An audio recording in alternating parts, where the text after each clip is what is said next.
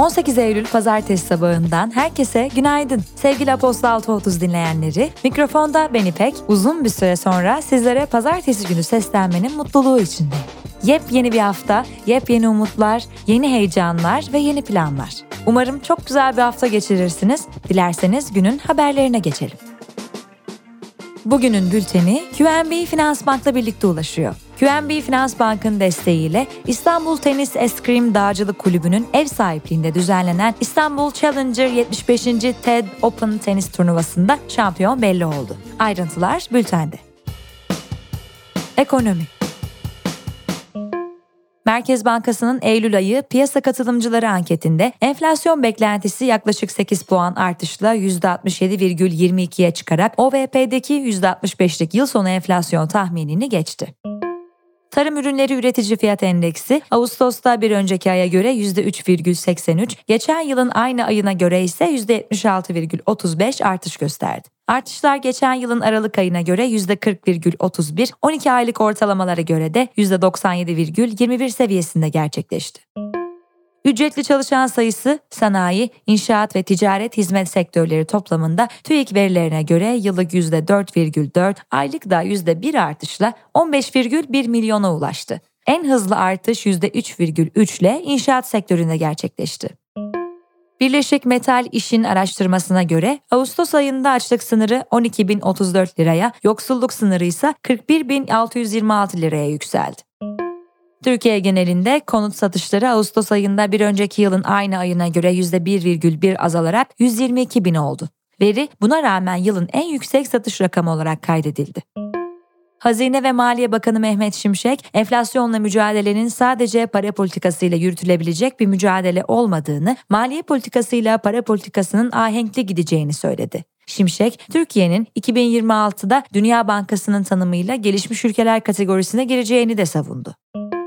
Rusya Merkez Bankası rubledeki baskının sürmesi üzerine geçen ay acil olarak yaptığı faiz artışının ardından bu ayki olan toplantısında da politika faizini piyasa beklentilerine uyumlu olarak 100 bas puanlık artışla %12'den %13'e yükseltti.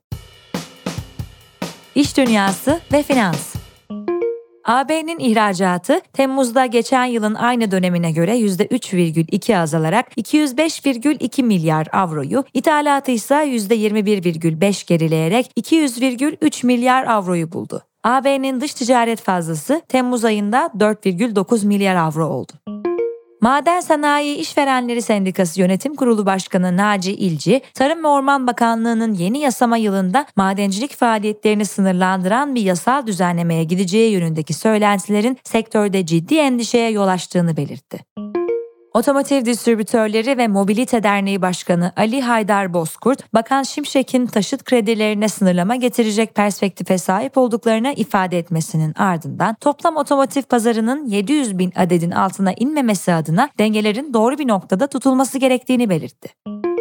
Özel okul ücretlerini 2023-2024 eğitim öğretim yılında yapılacak en yüksek zam oranının %65 olarak açıklanmasının ardından yeni eğitim öğretim döneminde özel okullardaki öğrenci sayısında düşüş gözlemlendi. Özde bir yönetim kurulu başkanı Naci Atalay bu yıl en az 3000 okulun kapanacağını tahmin ettiklerini paylaştı.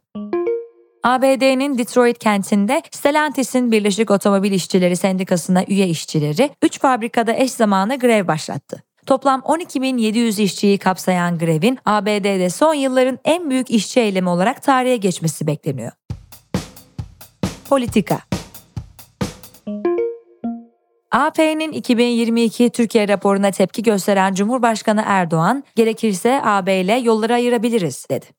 Türkiye'nin AB'ye katılım sürecinin mevcut koşullar içinde yeniden başlatılamayacağı belirtilen rapora tepki gösteren Erdoğan, AB Türkiye'den kopmanın gayreti içerisinde şeklinde konuştu. CHP Grup Başkanı Özgür Özel, parti yönetimini eleştirerek CHP Genel Başkanlığına aday olduğunu açıkladı. Özel, açıklamasında Atatürk'ün partisini iktidar yapmak için Cumhuriyet Halk Partisi adaylığımı ilan ediyorum, dedi. Milli Eğitim Bakanı Yusuf Tekin, öğretmen adaylarına yapılması planlanan mülakatla ilgili olarak KPSS skoruyla mülakat performansının yarı yarıya etkili olacağını belirterek ataması yapılacak öğretmenlerin 3 katı sayıda adayın mülakata çağrılacağını bildirdi. Avrupa Komisyonu Başkanı Ursula von der Leyen, İtalya Başbakanı Giorgia Meloni ile Lampedusa adasını ziyaret ederek incelemelerde bulundu. İtalyan Kızıl Haçı son günlerde çok sayıda düzensiz göçmenin botlarla ulaştığı adadaki 400 kişi kapasiteli göçmen ağırlama merkezinde 1500'e yakın kişinin bulunduğunu açıklamıştı. Almanya İçişleri Bakanı Nancy Faeser, ülkenin gönüllü mülteci kabul etme anlaşması kapsamında 3500 düzensiz göçmeni kabul etme taahhüdünü yerine getireceğini bildirdi. Almanya, geçtiğimiz çarşamba günü Roma'nın Dublin Sözleşmesi'ne uymadığı gerekçesiyle projenin askıya alındığını açıklamıştı. Çin, ABD merkezli savunma sanayi şirketleri Northrop Grumman ile Lockheed Martin'e Tayvan'a silah sattıkları gerekçesiyle yaptırım uygulama kararı aldı. ABD tarafını tek Çin ilkesine uymaya davet eden Çin Dışişleri, ABD Tayvan'ı silahlandırmayı durdurmaması halinde Çin tarafının kararlı ve güçlü misillemesine maruz kalacaktır açıklamasında bulundu. Kremlin sözcüsü Dmitry Peskov, Kuzey Kore lideri Kim Jong-un'un Rusya Devlet Başkanı Putin ile gerçekleştirdiği yüz yüze görüşmelerde silahlanma işbirliğine ilişkin konulara işaret ederek herhangi bir resmi anlaşma imzalanmadığını, böyle bir şeyin de zaten planlanmamış olduğunu söyledi. Teknoloji ve girişim iPhone 15 Pro Max 1 TB'ın en pahalıya satıldığı ülke 3457 dolarla Türkiye oldu. Türkiye'yi 2876 dolarla Brezilya takip ediyor. Cihazın Türkiye fiyatı Apple'ın resmi sitesine göre 93 bin lira, bu fiyatın 37 bin lirasını vergi ve diğer yasal ücretler oluşturuyor. Fransa'nın AB tarafından belirlenen standarttan daha fazla elektromanyetik radyasyon yaydığı gerekçesiyle iPhone 12 satışlarını durdurmasının ardından Apple, cihazın radyasyon seviyesini standarda uygun hale getirmek için güncelleme yayımlayacağını bildirdi. Avrupa Birliği'nin Veri Koruma Otoritesi İrlanda Veri Koruma Komisyonu, çocuk kullanıcılarının kişisel verilerinin kullanımı nedeniyle TikTok'u 345 milyon avro para cezasına çarptırdı. Google, konum bilgilerine erişimi ve bu bilgilerin kullanımı konusunda kullanıcıları yanılttığı gerekçesiyle tarafına açılan davada 93 milyon dolar ödeyerek anlaşmaya vardı. Google'ın konum geçmişini kapatan kullanıcıları takip etmeye devam ettiği ortaya çıkmıştı.